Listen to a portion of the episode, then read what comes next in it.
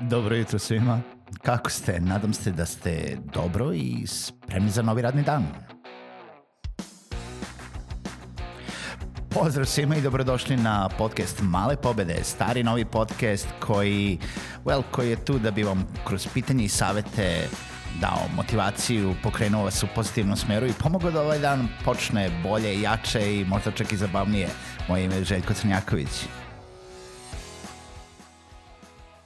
Prijatelj današnje epizode jeste Finesa Edukativni centar, koji veruju da su male finese, male promene i male pobede ono što čine velike promene u ličnom i profesionalnom životu, ali i u napretku kompanija i u skladu sa tim biraju i objavljuju njihove naslove. Tu su svetski poznati autori i govornici kao što su Brian Tracy, Gary Vaynerchuk, Jeff Sutherland, Tara Moore, Robert Kiyosaki sa knjigama kao što su Pojedi tu žabu, Ciljevi, Scrum i Bogati otac, Siromašni otac.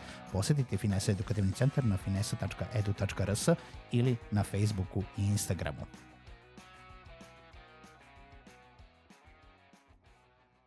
Pozdrav svima, dobro jutro i dobrodošli u novu epizodu podcasta Male pobede. A, kao što ste čuli u ovom uvodu, a, prijatelj emisije jeste Finese edukativni centar i šta to znači? To znači da ponovo pričamo o jednoj odličnoj knjizi, a ponovo delimo jedan poklon zadnji put ove godine, zadnji put u 2019. godini. Ostanite sa mnom a, do kraja epizode da bi čuli kako možete da osvojite knjigu. A, a knjiga o kojoj pričamo jeste Idealan timski igrač od Patrika Lencionija, jedna knjiga koja bilo da li ste lider koji gradi timsku kulturu u svojoj kompaniji, HR menadžer koji zapošljava ili razvija stručnjake ili ste timski igrač koji želi da razvija svoje veštine, ova knjiga jeste definitivno za vas. Ja sam opet preleteo knjigu, uzeo sam neke od najboljih stvari koje sam, koje sam našao u njoj i mogu da kažem da je da je fantastično. Mislim, ja se sam kroz um, neko moje poslovanje uvijek borim sa time da nađem pravi tim, da nađem načina kako da jednostavno oformim tim ljudi kojim ću kompletno moći da verujem, koji će nekako deliti viziju i razvijati moj posao sa mnom. I znam da je uvek teško zato što uh, jako je teško naći ljude koji će jednostavno gristi i biti gladni toliko koliko ste vi gladni za, za svoju firmu jer to nije njihova firma, to je vaša firma. I naći idealne timske igrače i oformiti pravi tim jeste teško, ali uz ovu knjigu može da vam bude nešto minimalno lakše, A, a zašto bi se to trebalo da radite? Mislim, trebalo bi se da radite zato što u, u današnjem poslovanju veoma a, redko ćete moći da izgurate neku, neku firmu koja će biti dugo vremena uspešna i moći da se razvije bez toga da u jednom vremu ne, pos, ne oslonite se na tim ljudi sa kojima radite. Jednostavno da ne izgradite tim, da uvijek budete neki solo igrač. Uh, I ako nemate tim koji sarađuje, ako nemate pravi tim ljudi, to mi je isto kao kad, ne znam, na uh, futbalski ili košarkaški teren izađe ekipa koji su svi ono tipa skupljeni igrači poznatih, to je poznati igrači iz uh, svih uh, svetskih timova i uopšte ne mora da znači da će biti uspešni. Šta više može da se desi da baš zato što imate recimo neke zvezde nebitno u koje, kojem rangu se nalazite i sad ne pričamo samo o sportu nego i u, u poslovanju, ako napravite tim koji, u svak, jel, koji je sačinjen od eksperata, stručnjaka i zvezda u svojoj oblasti, uopšte ne mora da znači da će biti produktivan, da će biti onako kvalitetan. Zato što zvezde ponekad ne znaju da sarađuju sa drugim ljudima. Svako se fokusira na neki svoj uspeh, svako se fokusira na neku svoju igru, svako se fokusira na to da on bude najbolji.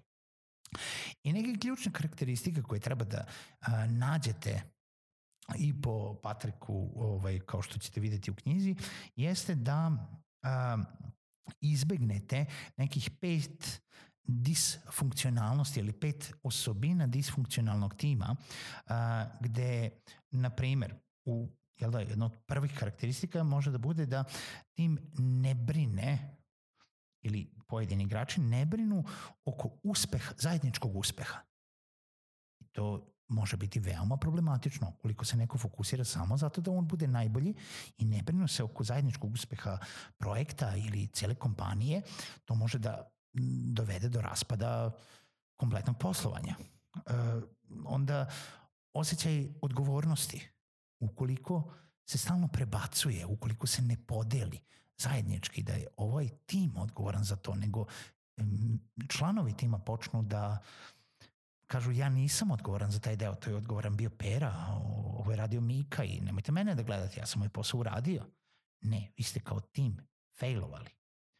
Um, treće, morate paziti da tim mora da donosi ili da se preda nekim zajedničkim odlukama. Ne da imate one najpametnije u timu koji, kojima je jedino njihov ego najbitniji i koji nisu zadovoljni sa nijednom drugom odlukom osim ako je nisu sami doneli.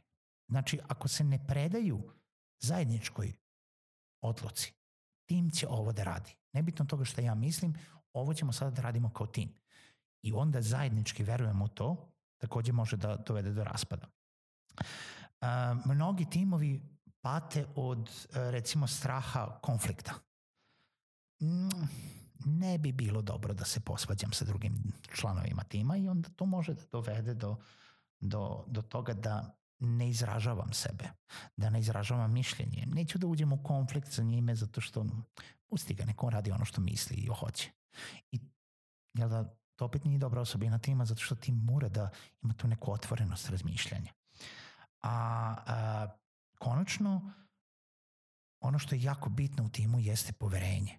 Ukoliko tim nema izgrađeno poverenje jedne u druge, ukoliko tim ne veruje, članovi tima ne veruju jedni drugima, onda to nije tim. Onda svako radi za sebe i svako kopa neki svoj put i imaćete 5, 10, koliko god imate različitih članova tima, toliko ćete imati različitih putanji u kojima može da ide. Idealan član tima, kao timski igrač, jeste gladna osoba koja želi da radi više nego što je potrebno. Koja želi da se dokazuje, koja je gladna znanja, odgovornosti i da uradi onaj korak dalje. Koja će uraditi nešto što mu niste direktno rekli. Ima osoba kada radite i znate i dobro, koji će uraditi samo ono što im kažete. I ne možete ih puno krivite. To su osobe koje jednostavno ne, ne rade ništa pogrešno. One rade sve što im vi kažete ali neće nikada otići taj korak dalje, neće otići, na, nisu toliko gladni da, da vuku dalje. E, takođe, morate da imate osobe koje imaju one socijalne veštine, da mogu da se slože sa drugim ljudima, da mogu da nađu zajedničku crtu razmišljanja, da mogu da se prilagode drugim ljudima i da se podržavaju. Veoma je bitno da tim može da sarađuje, jer znate i sami da ljudi koji se slažu, jel da nebitno da li privatno ili poslovno, bolje funkcionišu zajedno.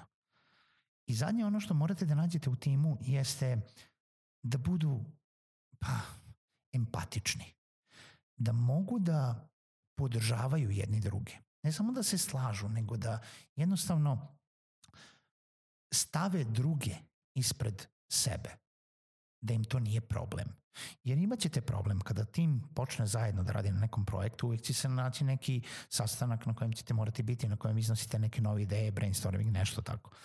I ukoliko ne dođete do toga da možete da prihvatite recimo tuđu ideju koju većina tima aplaudira, ali vi ste onako cinični zato što nisu izabrali vašu ideju, nego njegovu ideju i ili neki deo tima takav, onda ta osoba ne pripada u tom timu.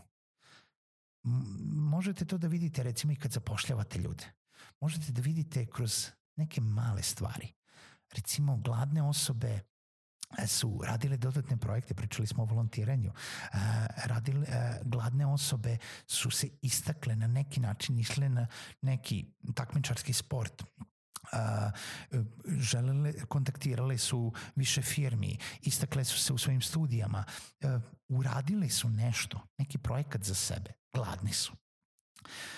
Treba da gledate one druge stvari. Da li se recimo osoba na razgovor za posao sa vama zahvalila vašoj asistentkinji ili asistentu koji je toj osobi doneo kafu, donela kafu.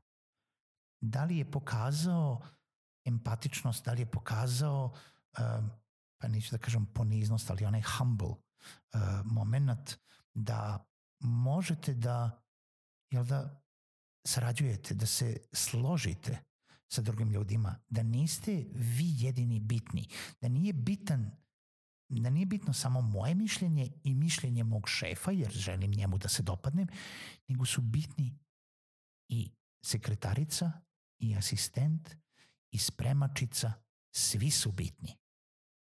Nikad ne znate ko će vam trebati. Nikad ne znate s kime treba da ostanete u dobro. A u ostalom zašto i ne bi?